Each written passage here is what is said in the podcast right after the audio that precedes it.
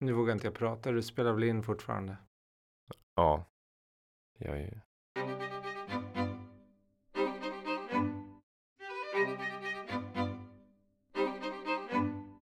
Välkomna till Dataministeriet med mig, Anders Bäckström. Och mig, Filip Jonsén. Och idag gör vi precis som vi gjorde i våras vid ett tillfälle. Vi byter till engelska idag. Yes, we do. Welcome, Odia. Thank you. Nice to have you with us. Um, for those of uh, us that don't know you from before, who are you? so um, I'm a data protection attorney. I am based in Philadelphia in the United States, and I basically concentrate all of my practice on representing US based companies and multinationals on their data privacy compliance. Uh, I do a lot of GDPR and more recently the California Consumer Privacy Act. Um, I started my career out in tra- tech transactions, and I did some M and A. So I used that skill set to help companies in their, uh, you know, incorporating their privacy compliance into their deals, into their tech transactions, into their day-to-day business. And I guess I should say. Um, I am a partner and chair of the GDPR compliance and international privacy practice at Fox Rothschild LLP, and I am based in Philadelphia. Yeah. And uh, two sentences about Fox Rothschild. So, Fox Rothschild is a full service law firm with about 950 lawyers and 26 offices across the United States. Um, despite the size, which seems large in European um, in the European perspective, um, we really pride ourselves on our diversity of clients. We have the big Fortune tens and fives and two small startups, and we give them all attention and um, good quality of service that they deserve. So, is it uh, only US offices, or do you have offices in other countries? Only the United States, 26 offices, but just the US. Right. And can you tell us something about uh, yourself, like a little bit more of you, you as your the private person? I mean, it, it is a podcast about privacy.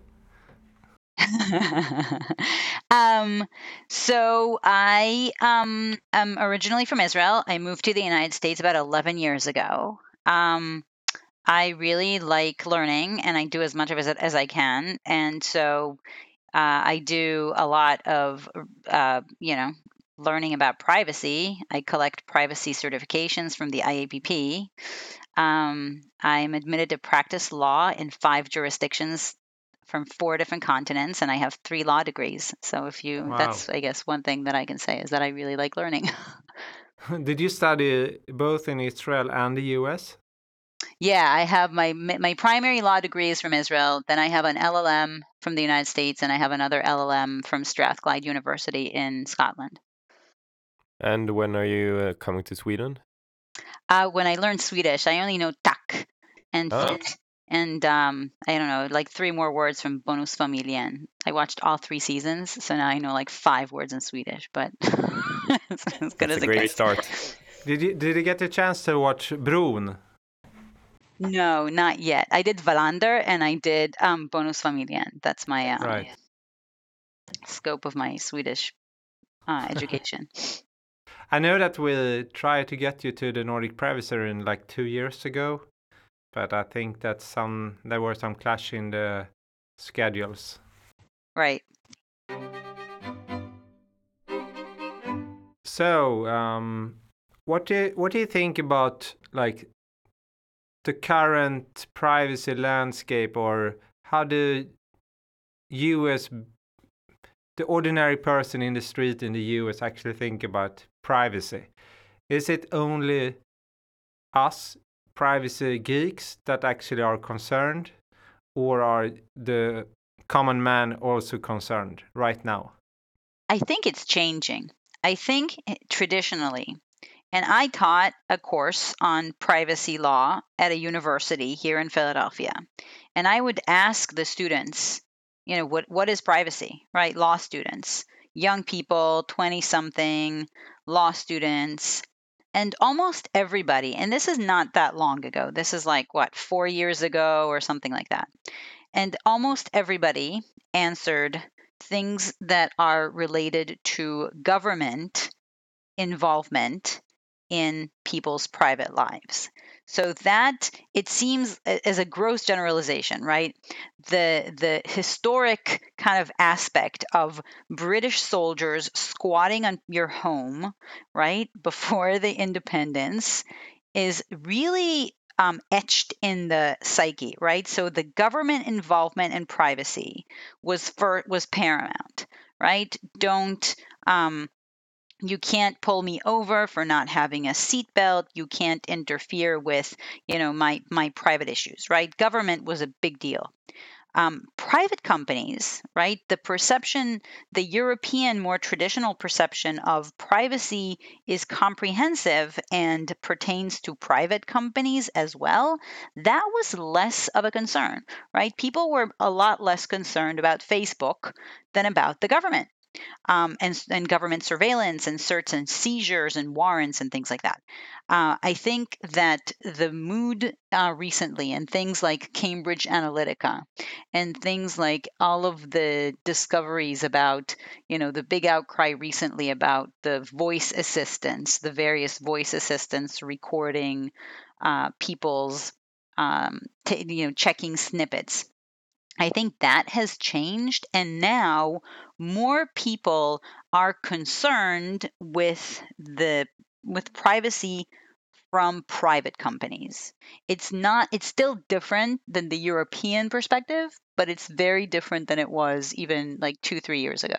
So I mean a couple of years ago or a little bit more we had uh, the Snowden um, uh, cases and of course I, I guess that could have been part of people being aware and maybe even afraid of the government. And uh, of course, now in the media, it's less NSA and more Facebook. Right. Is it only a shift in mind, or are the government like not snooping that much anymore? I think that is, and I, I'm probably biased here, but I think that from what I know and have read about this, I am not sure that the governmental issues, right, surveillance, etc., um, in the US is very different than that of other countries in Europe, including countries that have, including EU countries and including countries that have adequacy um, yes, right, there is the Snowden and the NSA surveillance and FISA and all that stuff. Um, and that's important and it needs to, you know, be regulated, et cetera. But I think that the perception that the U.S. because one of the key issues, right? I keep reading about, you know, the Schrems cases and Privacy Shield and all of that. And the key, there are some commercial issues that are being discussed but there is a big issue with the government surveillance. And I'm not sure that that is that different in the US than it is in other countries. I think that's a very interesting point that I normally raise in, in classrooms and so on during my own trainings when I conduct training. Uh, I, I actually point out exactly that that do you even know what your own governments are able to do? Why is the US so much worse? Right. So I agree. I mean, we never tried uh, within the EU. We never tried adequacy. We just get it for free by being a member. And uh, I would say, especially when it comes to the UK, I I wonder if Brexit will happen. I really hope not uh, whether or not they will get an adequacy decision. I actually think not. And and and it would be interesting, right, if they don't, but other um, if and and that's the thing. I think that there is a, I think I think that's a point. That's a really interesting point to think about because I think that um, I am not let's let's put it let's let's make an understatement by saying that I am not sure that the U.S. the practices in the U.S. are much worse than other European countries that are enjoying the you know de facto protection of you know being adequate because they are in the EU, but do similar things. Yeah. Yeah, exactly. And I also think that some of these uh, suspicions for uh, about the U.S. is, I mean, do you remember the case when there were some wiretapping of Angela Merkel's mobile phone? Right? So we had some like extraordinary cases, and then we draw everyone uh, all over like, okay, that's how they do it. Yeah, so I think I think so. I think the government thing, the government issue, and, and it's uh, frankly something that I don't do as much of on the day to day. I think it's an important aspect, and I think that people in the U.S. I think that there was a concern about this, and things are regulated, and and at least an approach, right? The the the the delta between what does your law say and is it really enforced in practice i think is a big question and i think that I mean, you guys know this better also uh, you know from fir- firsthand because i think from my understanding was that prior to gdpr when the fines were low and the awareness was low the laws were on the books in each member state but the enforcement may not have been you know that companies were not as compliant, say, as they are trying to be now, right? Because the stakes weren't high and, you know, and they just didn't do it. You're absolutely right, and Yeah, that's spot one on. of the reasons why we had so much fuss about the GDPR. Because if they had been uh, compliant to the directive, uh, it's it.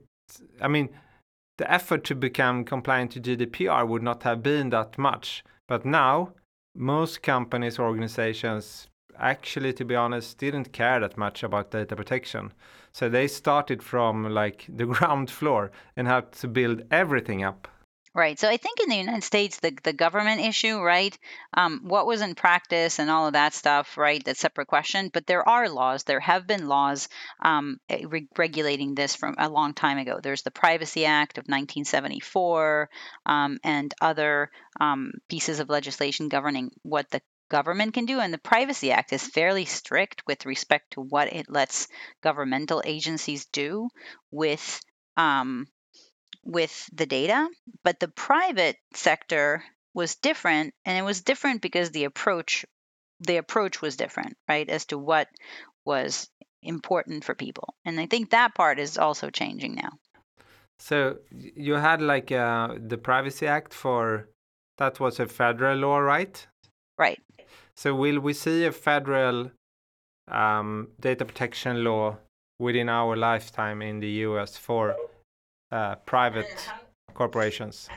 How advanced is Sweden in like cryo freezing of people so we can define lifetime kind of flexibly? Um, Not think- that good, I think. I think that um, I think it's so. I think it's a complicated matter. I think it will take time.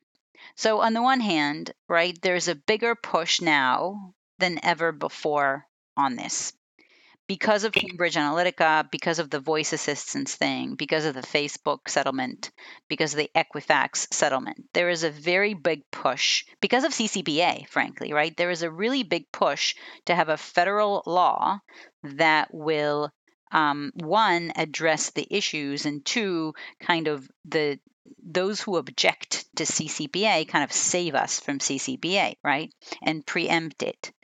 Um, on the other hand, there are big problems, stand hurdles standing in the way of a U.S. federal privacy law.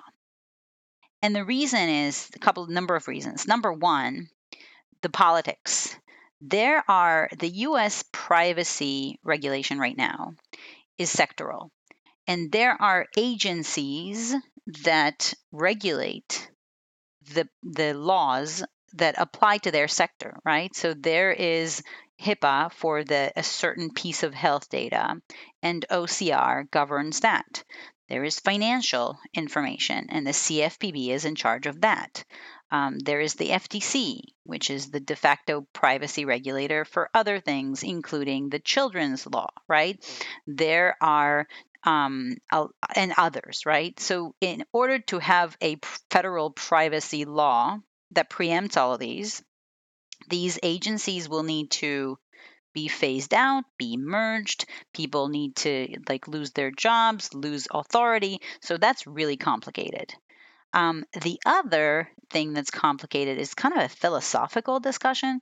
And if you look at even the FTC Facebook settlement uh, can uh, order, or if you look at the new rules for Gramm-Leach Bliley and kind of the text explaining them, there's a philosophical divide between Democrats and Republicans about what data privacy enforcement should look like. So there are differing opinions as to whether or not it needs to be prescriptive or just have principles, whether or not it needs to be self regulatory or not, whether the FTC should have uh, broad powers or not.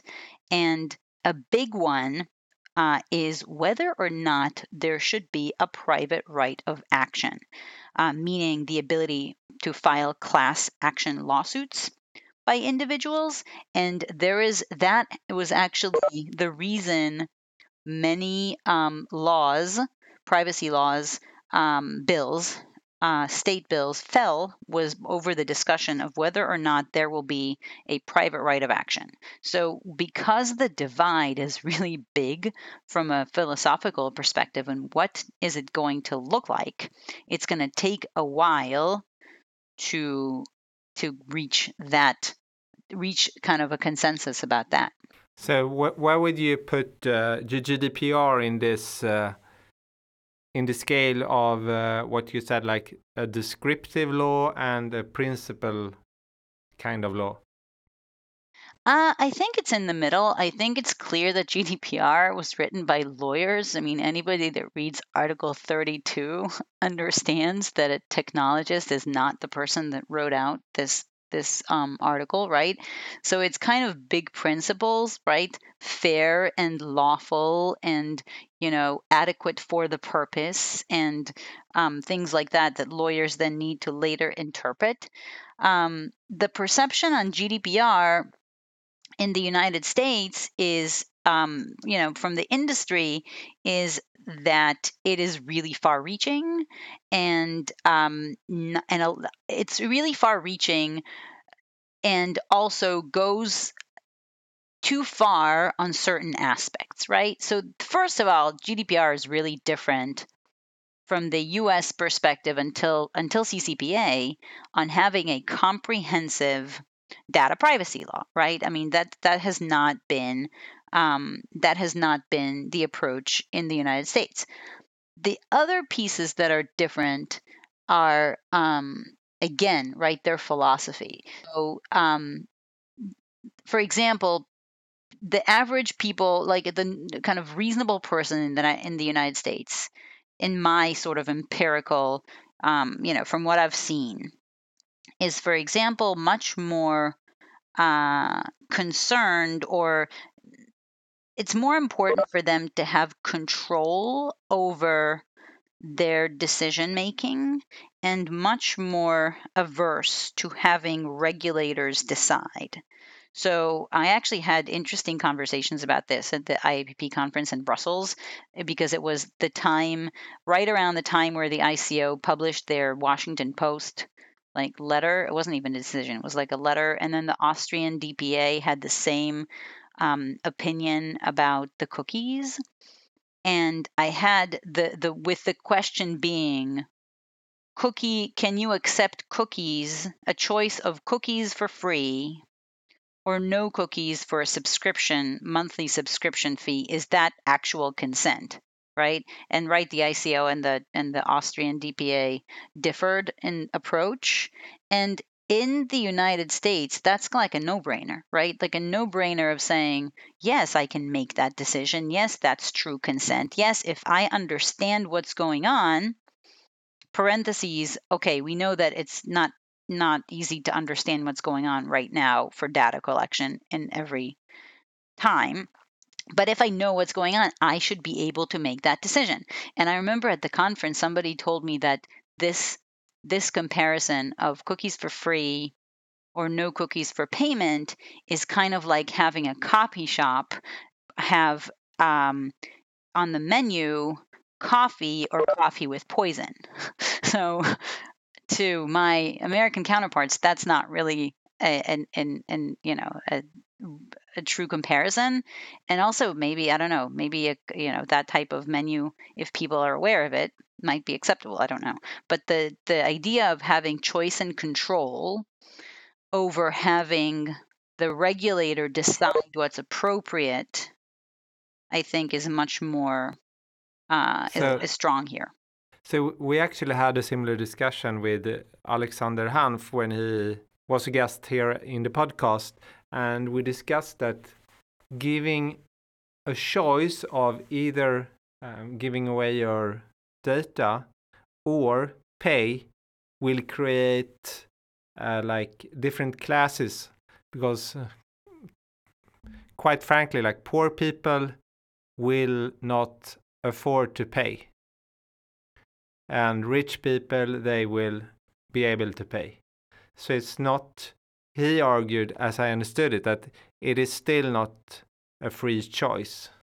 Right. And there are edge cases, right? And that and and and it's kind of specific. But I think that that approach and the another eh, the concept I think is what I wanted to get across, which is, um, for example, spam. Right. That's another example of a difference in approach.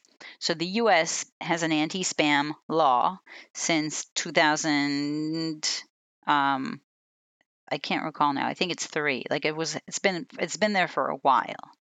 The approach in the U.S. to spam is it really shows. I think the difference in approach in the U.S. to spam and in Europe to spam it kind of explains a lot, right? In Europe, the way that I understand it, right, spam is kind of like a trespass to my property. You're trespassing on my inbox don't what why are you here i didn't invite you i need to invite you right this is the trespass kind of approach in the united states the approach is um, don't lie to me.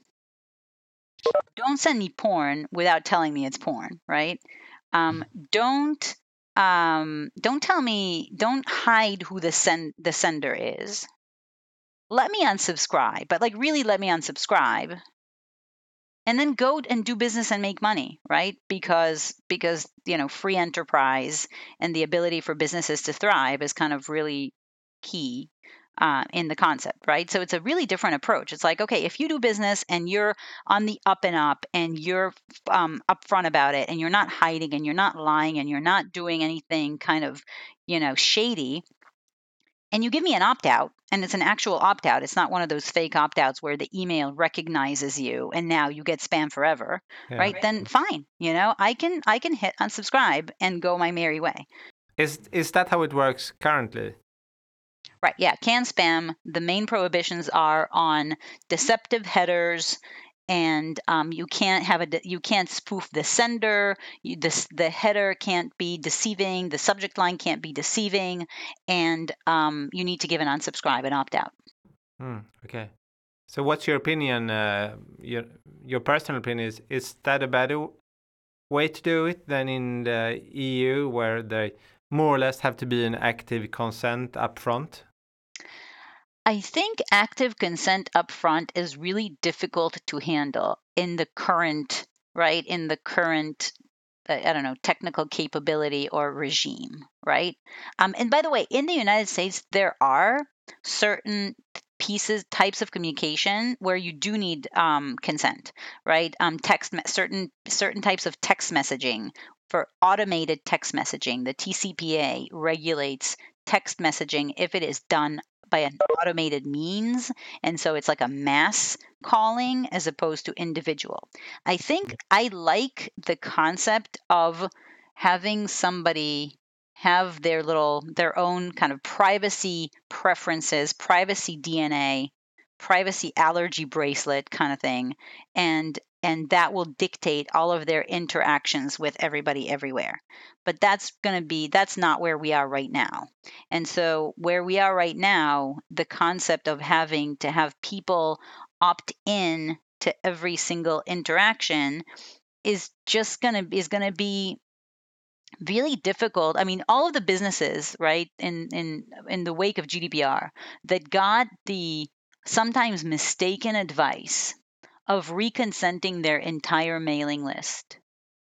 And uh, you know, empirically, their the result was they got what 3% retention 1% response if when they reconsented so so i think in in you know it would be it's better if you have you're launching a project and you can get people to opt in and if the opt in is easy right it's a good kind of concept to strive to but especially in kind of the business context and the b2b context um, it's more it's difficult to do.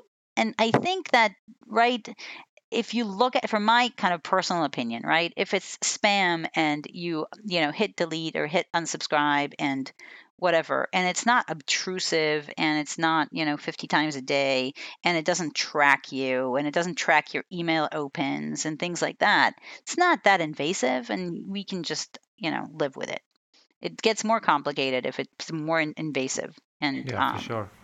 Um, so when it comes to marketing, I, I always uh, tend to take my wife as an example because first of all, she doesn't understand what I do for a living because she thinks that it's completely Boring?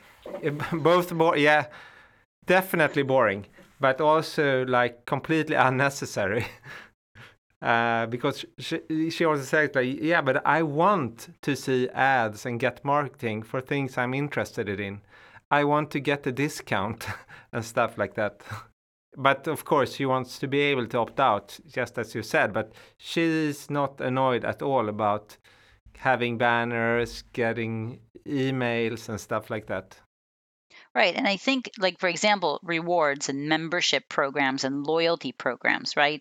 The concept where if you need to base those on consent and have it be true consent, how do you do that really under GDPR, right? Because are you you're conditioning this the service the the membership on the benefits which kind of isn't really consent. So membership and loyalty programs right are becoming problematic and that's a really that i think is actually a good way to have you know first party interaction with people not through data brokers in a way that people kind of manage their own preferences and manage their own dashboards and stuff.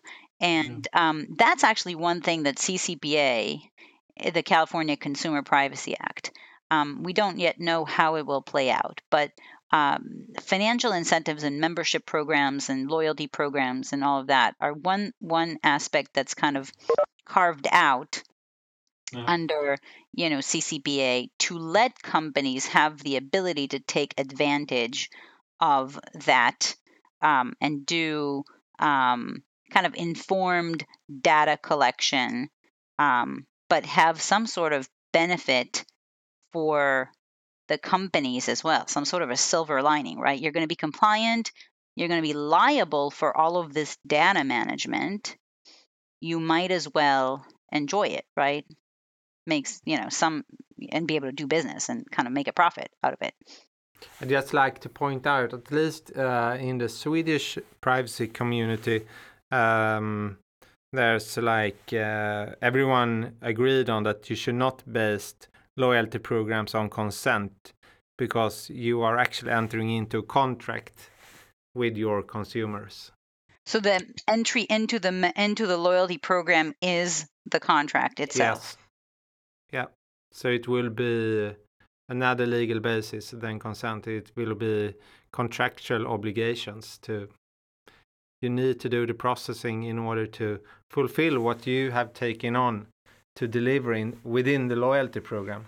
Right, which makes sense because if you enter into the loyalty program and you get a discount, but now you're like, oh no, I'm revoking my consent, then that's not really workable, right? On the other hand, I mean, you can terminate uh, that loyalty program contract at any point in right. time.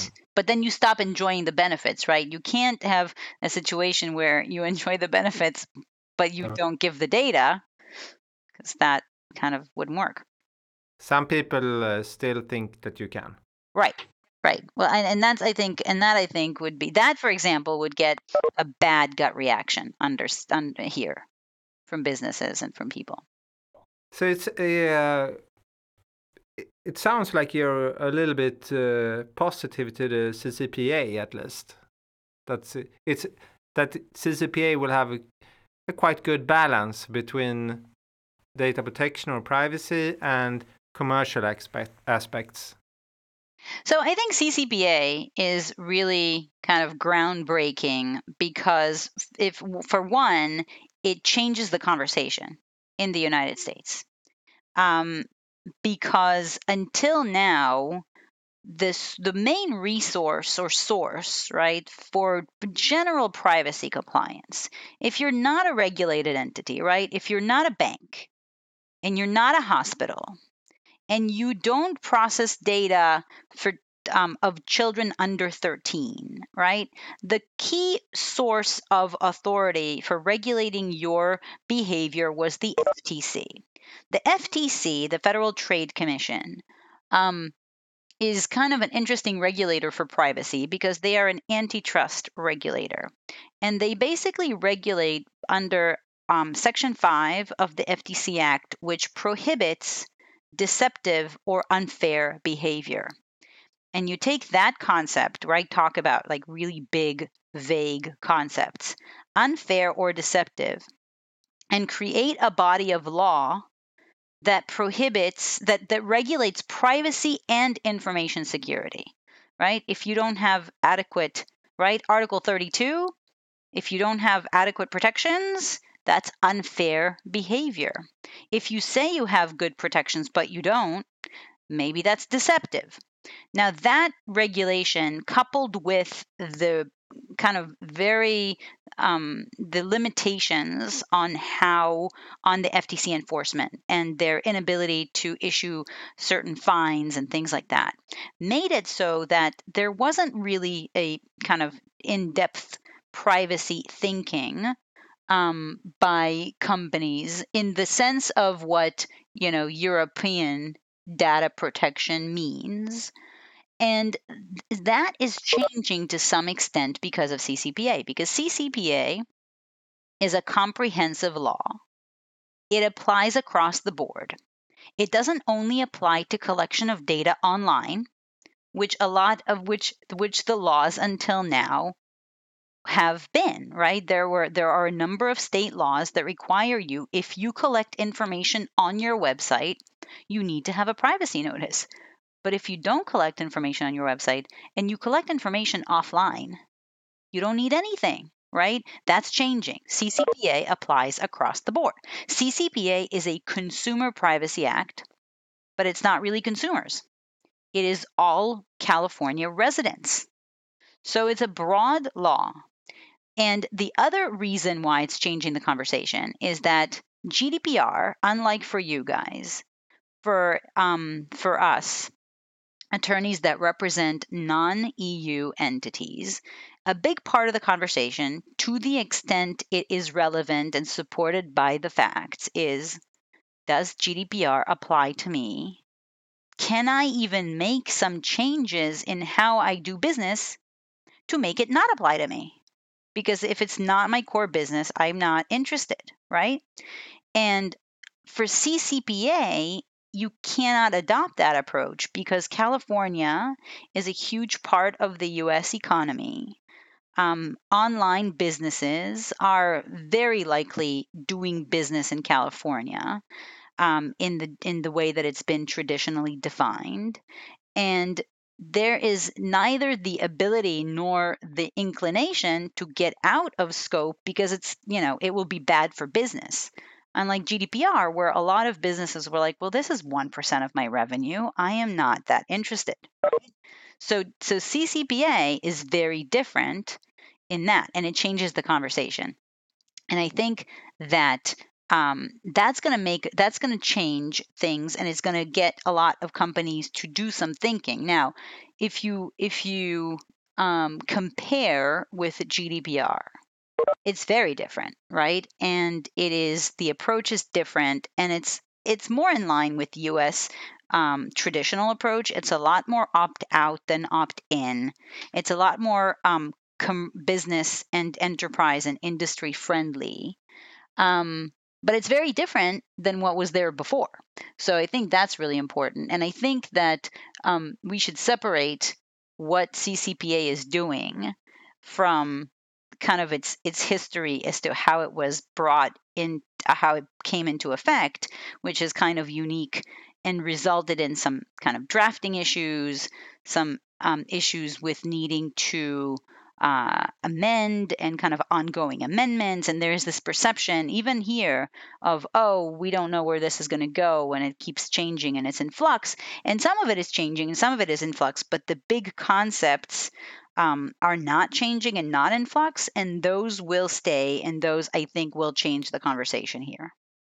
So, speaking about the amendment and changes, because I'm not really knowledge about how you actually draft laws or uh, legislation in the US. Um, it seems like there's an awful lot of amendments and changes all the time in the CCPA. Right. Why and how does it work? Can you explain, like, briefly? So, so that has to do with how the CCPA came into effect. So maybe I should spend a minute explaining that. So, California has a very unique legislative process. It has something called a ballot initiative, which means that if you collect enough signatures um, for your for a legal proposal, then you can get it passed into law. Not the legislature, you can. And when a law passes through this ballot initiative process, once passed, it will get amended in the same process right? So you still you will need those signatures right? So um, everybody now thinking about signatures and you know people's vote right are all are thinking brexit right? So brexit can only be changed by you know a different another popular vote right? So that's the way it was. And and that obviously ties the hands of the legislature and makes the law really difficult to amend. And so what happened was there is a cutoff date at the end of June where if you don't pass the ballot, if you don't, if if you don't, um, if the ballot passes after that date, then you're done. So what happened was the proponent of um, CCPA, Alastair Mactaggart, um, went to the California legislature and said, "Hey, this is my proposal. If you don't pass this as a law, I will pass this as a ballot initiative." And obviously, that's that's problematic and so the California legislature passed it as a law but the the the process of making it from the ballot initiative to the law is basic was in the span of less than a week it was a few days so as, as somebody who's been drafting documents their whole life almost or half of their life um, for a few days of drafting it's drafted really well it was just drafted really fast, right? If you compare it to GDPR, GDPR was drafted in four years, right? So obviously, in four years, um, you can knock out a lot of um, kinks and a lot of issues where in four days you cannot. And so the first batch of amendments was literally just kind of technical amendments and typos because it was legislated so fast. And then the other set are things that would have get gotten hashed out if the process were more lengthy right? It's kind of you know a letter from industry and kind of you know the california attorney general had some proposals. And so that is why there are all of these amendments because they n- did not get a chance to get discussed when it was first passed. Hmm. so when will we see like a final draft or version? So there the cutoff date, there are about six amendments that are in the finish line for going into the law before it goes into effect in January. And so those will need to be passed or not by September 13th. And so by September 13th, we will know what the law will look like when it goes into effect in January. Obviously, that's not to say that it cannot be amended down the line. It could be amended just like any law of any state can get amended. And that, I'm assuming, is much easier than GDPR, um, than any GDPR amendment process, but it's going to be the same as any other any other law. But we will know in about two weeks. We will know what it's going to look like January 1st of 2020. So there will only be like an October, November, December to actually change your uh, business to be compliant. Right. So so that that is a conversation that I had with clients when I answer two questions. Question one is, uh, how do I prepare for CCPA? Is it worth preparing now? It's changing all the time, right? Which is one question. And the second question is, well, how do I prepare? There are 20 states that have, you know, privacy initiatives and bills, and those are going to be different. What should I do? And the answer to both of them is that the the way that the law will be enforced in certain end cases are going to be different pursuant to the amendments. But the key issues from, from a compliance perspective, the steps that you need to do right now in order to prepare are not going to be different in two weeks or in three months or when other state laws are going to be passed. Because if you are for the first time doing this, you need to map your information and understand what personal information you have. And for the first time, you need to understand that personal information isn't just social security number and um, health insurance and your bank account plus password and all of the things that under US law are personal information because those are the only things that you need um, to worry about if you have a data breach and you need to notify. You also need to now think that um, IP addresses are personal information, and email addresses are personal information, and browsing history is personal information, and shopping history, and preferences, and inferences, and all of these things have never been personal information in the US before. So that's something that you definitely need to do. And whether or not the definition of personal information will be different in other state laws, it will mm. not be that different. It will still be br- way broader than before, right? The the step where you need to button down all of your third party uh, relationships relating to data sharing that's also going to be common to all of the laws, right? You'll need to have CCPA addenda. You'll need to figure out if your third party is a service provider or it's a third party, um, which is kind of not exactly like processor and controller, but it's similar. So that step you will need to do. Um, you will need to create a process for consumer rights, right? For the right to access, for the right to delete, for the right to opt out of a sale. So, all of those things, if you've never done them before, which are a lot of companies, you need to develop a process for that. So, if at the end of the day, um, we will see that sale doesn't also include X, or uh, consumer doesn't include employees in certain circumstances, okay, well, that's going to make it easier for a lot of employers, right? But by and large, a lot of those steps that you need to take, you need to take them anyway, and you will need to take them anyway. So, I mean, from the name CCPA, it's only targeting consumers. So, what about B2B? Right. So so yes and no, right? It is the California Consumer Privacy Act, but as lawyers, since we play around with definitions, the definition of consumer under CCPA is a California resident. So it's not really consumer. Um, that is actually why one of the amendments is trying to carve out employees out of the definition of consumer because they're saying, hey, you meant consumer, but actually got everybody. So, Mhm. so that's kind of a, a misconception, right? California Consumer Privacy Act, but consumer means resident of the state of California. So that that would also be um, a very different approach to the GDPR because GDPR protects um, basically everyone, regardless of where you're a citizen, as long as the processing takes place within the EU.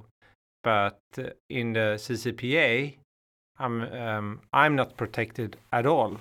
So, um, so that's yes and no, right? So, for number one, um, there is the CCPA has a very big extraterritorial, um, extraterritorial approach, right?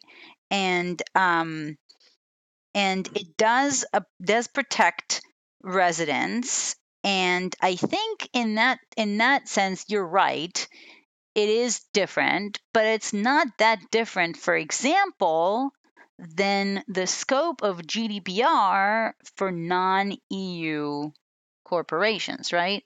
So if you fall under Article 3 2, you protect individuals in the EU when they're in the EU, right? You, as a non EU entity, don't need to give these rights to people living in Africa. So I think in that that's kind of similar to that. Yeah, I think it's a good point. I mean, that's also a misconception of the GDPR. Um, I mean, being a, a Swedish person, I'm protected when I'm here, and I'm protected um, if a company is within the EU. But if I go to the US and I go into some store in the US that only doing business in the US, I'm not protected by the GDPR just because I live in Sweden in the EU. Right. Right. So it's really, as you said, you have to be either within the EU or the company. I mean, t- Yes, to right. simplify it slightly, but basically. Right. And de facto, by the way, so if you look at California companies, to your example, right? A California corporation that is in California, um, and, and, and you go to operationalize your um, consumer rights, right?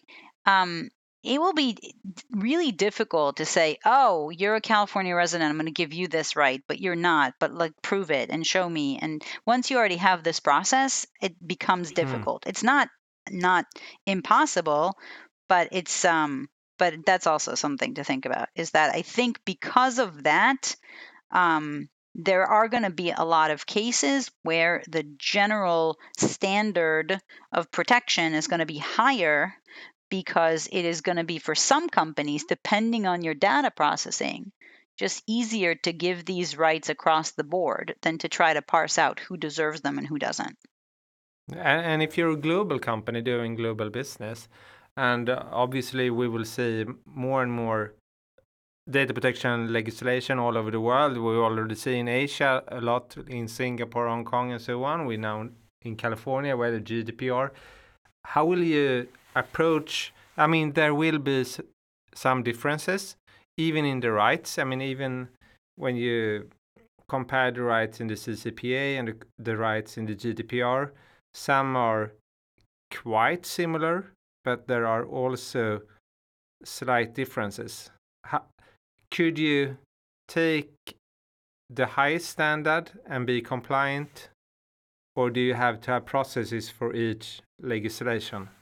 Right. And that's a question that we're looking at because the different state laws one of the one of the things that everybody's saying about how can we have 50 privacy laws you know it's going to be really difficult and the answer is yeah it won't be easy but it's not a um, there is precedent to that right the us currently has 50 different data breach notification laws Yeah. for each state, and they are different.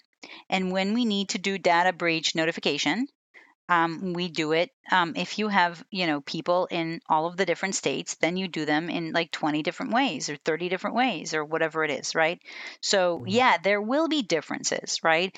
But I think that the the concept and and, and companies that adopt a GDPR standard um, have seen this right? There are commonalities, right? There are the fair information privacy principles, and you have the increased transparency.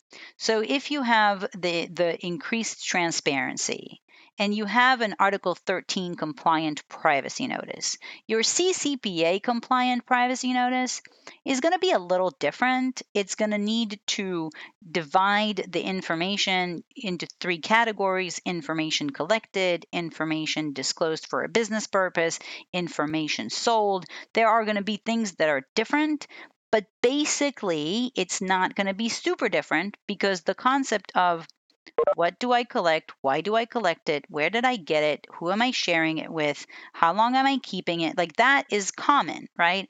The point of third party um, management, right? So the concept of you know finding the right vendor and doing the diligence and imposing compliance on them by contract and auditing their downstream right? That's also common. So it's not going to look exactly like an Article 28 DPA, but it's going to look, you know, it's going to be a little bit, you're going to have one, another paragraph that you add to it or another page or whatever, right? So yeah, I think you will need to make adaptations.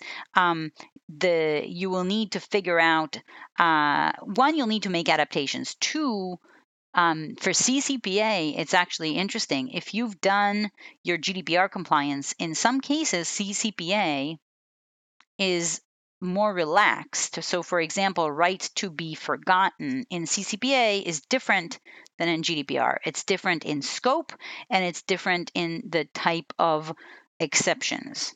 So, then you need to also figure out okay, well, I have a process for right to be forgotten. I know where my data is. I know what I can delete. I know what I can't delete. So then the question is, and I have a process, right, for receiving the requests and authenticating and blah, blah, blah. All of that's the same.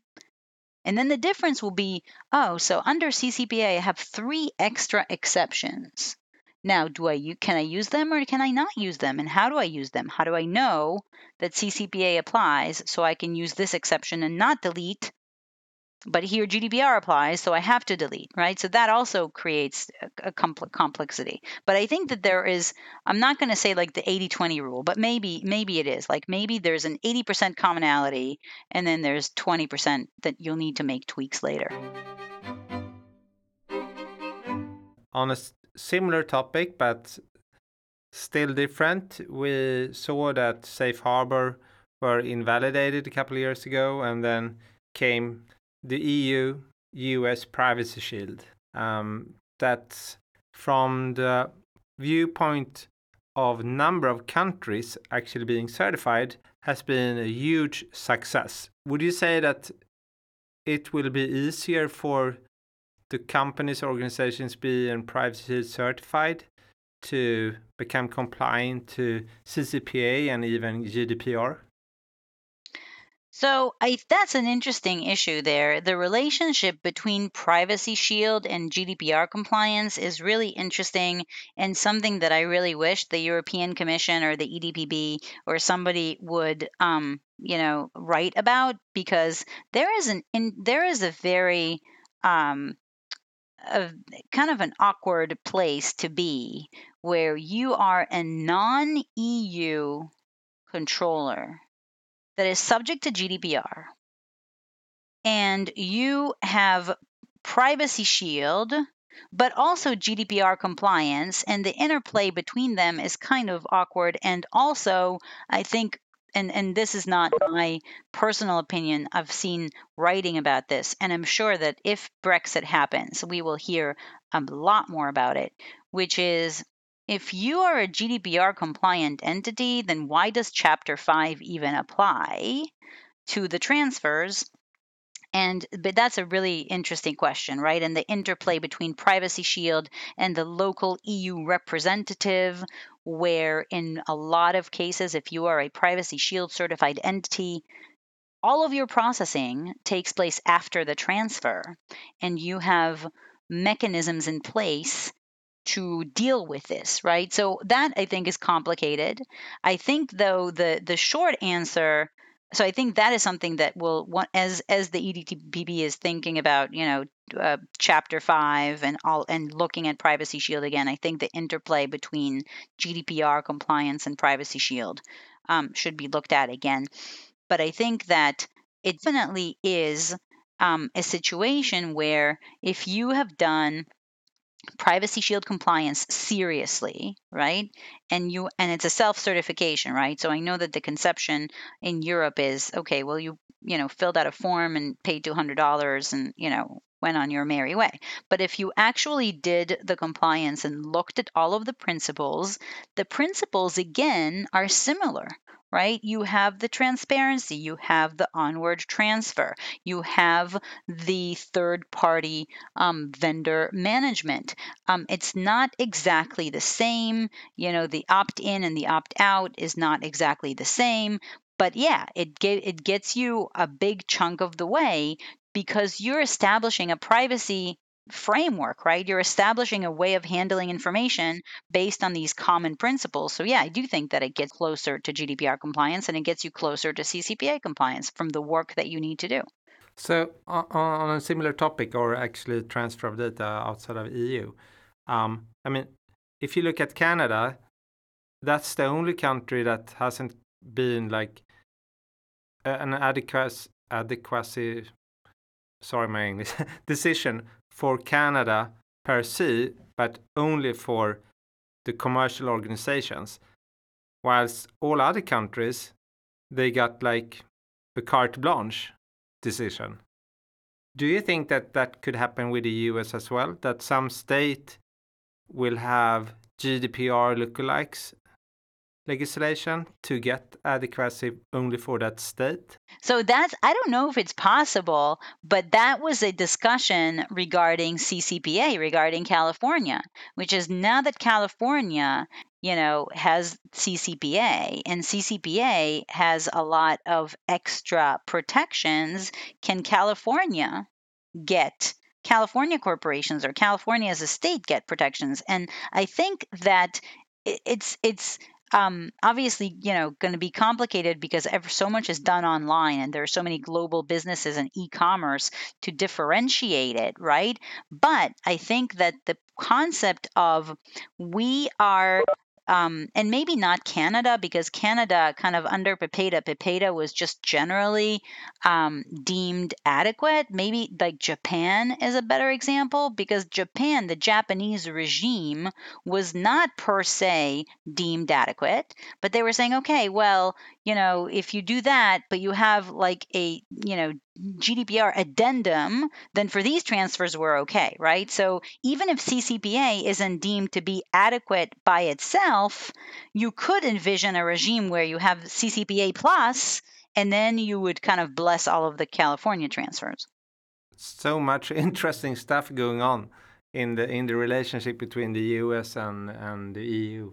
Um, and not U only in data protection, of course. So um, um, um, I had some more questions about like more general questions. Um, one is, are the big dragons really that bad, as the perception seems to be in in the EU among uh, privacy geeks? I think that. Um, so I think that now there is this overall um, consensus that regulation needs to be more prevalent and and and and the the big tech needs to be regulated right? Facebook is saying it microsoft is saying it everybody's saying it. The question is what that looks like. And i think that um, I think that one one important thing to there, in my opinion, there are key two key aspects to this that should be addressed and would be in line with kind of US thinking without kind of GDPRing it. Um, one is um, the market power, right? So we've seen the German, right, the Bundeskartellamt decision, right, and uh, the anti, like the market power and monopoly power, right? Um, the FTC is starting to look at that And that's really interesting because the FTC is an antitrust regulator and that's and they are very strong in that and they've done this before for, you know, the telephone companies, et cetera. So the, I think it's really interesting that they're looking now at management of data as market power because that part in the US, one of the key tenets, right, is the market will regulate itself, right? Free markets, you know, people, the consumers will regulate. If you're a bad guy, we won't come to you, that kind of thing, right? That's really strong. But if the market is that doesn't work when you have a monopoly that is super strong. We've seen that before right? So so if that's really the case and there are things going on with uh, misusing market power um, in data then that is one thing that needs to be handled. And i think the other thing that needs to be handled and i don't really have a good answer for how but i think that transparency and kind of um, kind of a, a don't lie to me kind of plus, right, is really important. If you look at the reactions now on Cambridge Analytica and the other three party, third party sharing and the voice assistants and all of those, one of the key issues in the United States is why why didn't you tell me you were doing this right in a lot of the cases if people said what they were going if if if those companies big tech had said this is how we do it and this is why and you don't have to you can opt out here it would have solved the problem right? Because as i said i think here the objection is more um, to being misled and not being given the option, as opposed to an outright kind of you are not allowed to do this because it is inappropriate, right? CCPA, for example, does not have a legal basis. It does not have a fair and lawful. It doesn't have that discussion. It's it's basically, but the FTC has said, say what you do, do what you say and you don't be misleading and don't be deceptive and don't be unfair, right? So I think the concept of figuring out a way of telling people what is going on in a way that they really will understand and will be feasible and not will be like, you know, click 300 different options here, right? That would that would be really well received, I think, and and would be that would change the approach to big tech again. Yeah, you mentioned the FTC, um, and um, just a question regarding their their decision a while ago against uh, Facebook. Right. How did the public uh, react to the decision by the FTC?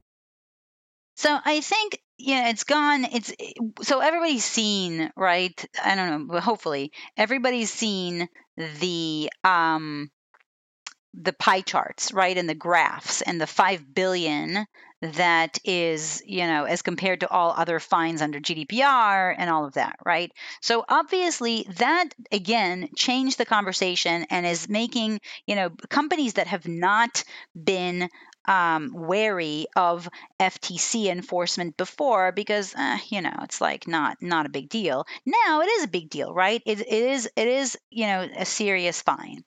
I think the other thing that's really important off of the FTC decision is that one of the key issues with FTC enforcement, and there's even been litigation about this before, is that um, the FT unfair and deceptive are super vague terms. And when you give a consent order saying you didn't do X, Y, and Z, and that's deceptive, the reaction in some cases was like, well, how is it? How was I supposed to know that? Like, what tells me this is the case, right? And now there have been other steps in the past, but if you look at the Equifax decision and if you look at the Facebook decision, they are very prescriptive as to what the FTC expects to see in a privacy program and yeah. and is more gives more guidance right um, and the other kind of um, reaction was that the ftc consent order was not unanimous there were dissenting voices and the dissenting voices ob- objected to the fact that the fine was not high enough and was did not cover the so-called unjust enrichment, even though that's more of a European term than in the U.S. Like the unjust enrichment um, off of the practices, and also did not um, change the structure of Facebook and did not uh, impose personal responsibility, personal liability. And so there have been those opinions, but I think I think the, the FTC decision is at least something that privacy lawyers can take to clients and say, all right, well, you know, I know that not everybody is Facebook, but you know, here is what the FTC is expecting, and that also helps change the conversation. I, I, I really liked that part of the FTC decision that they actually very clearly said like you need to have an independent privacy officer you need to do risk assessments yeah. there is so much like very clear guidance in what they need right. to do so you could actually take that even if you're a european company and have uh, i mean some of the things are like the data protection assessment it, of course is the risk assessment but in the gdpr there is nothing about a comprehensive privacy program but that's more clear in the ftc decision that you really need to have this kind of program that is ongoing taking care of matters um, we saw in the GDPR a lot of GDPR projects, and they were not converted into programs. Um, so it's really, really interesting decision. Right. So time is running out, but I, I have, I mean, privacy almost started out in the U.S. like in the 1890s uh, with this uh, article in the Harvard Law Review, the right to privacy. So so you really have the legacy of being privacy pioneers. Yeah. So somewhere along the line, something happened, right? How how did you go from being very aware of privacy to Cambridge Analytica? So I think that the concept, the right to be left alone, when you think about it in a US perspective, it's the right to be left alone by the government. Um, don't I? There are there is a lot of case law on you know does the police need a search warrant for a you know GPS tracking of a vehicle? Does the police need this? Does the government need that? The the right to be left alone has always been thought as, thought of as um, relating to Fourth Amendment search and search and seizure and government involvement in life. The um, inv- the invasion of privacy by private enterprises was not thought of, kind of generally speaking, as a problem. There were specific issues, right? Um, financial institutions misused information, and so the Gramm-Leach Bliley Act was passed.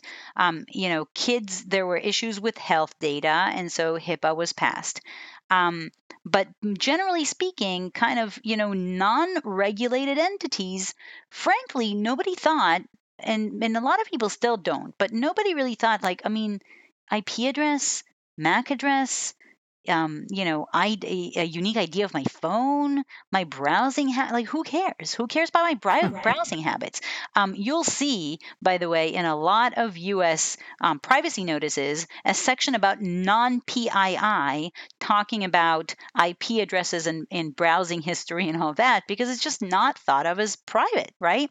There, there wasn't an expectation of privacy in that information, and there wasn't a concern by the big companies. And now, when we are um, understanding the extent of this surveillance and what it does and all of the tracking and ad tech and especially especially i think the fact that it's tied to elections and to election results and some people are not happy with the election results and thinking about the fact that it is tied to um, the, the, data collection and manipulation that i think is changing the con- the perception of privacy and now it's like wait this information does matter and it does affect my life and how do we stop it this is i, I mean this is so interesting discussions, but um, I'm afraid we have to continue another time.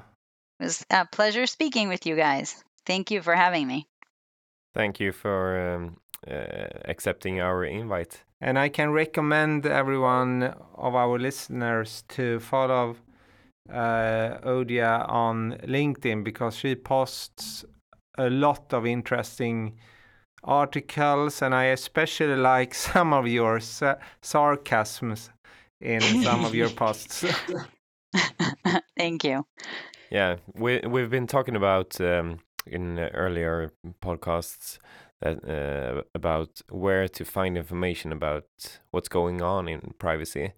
And as Filip just said, I think that everyone should uh, follow you uh, on LinkedIn because I think that uh, you are very good at um, capture the essence Yeah, of a decision exactly. uh, or a guideline. Thank you. Yeah. no, thank you. I I learned a lot.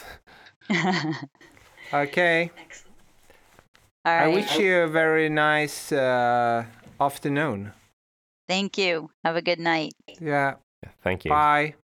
Bye.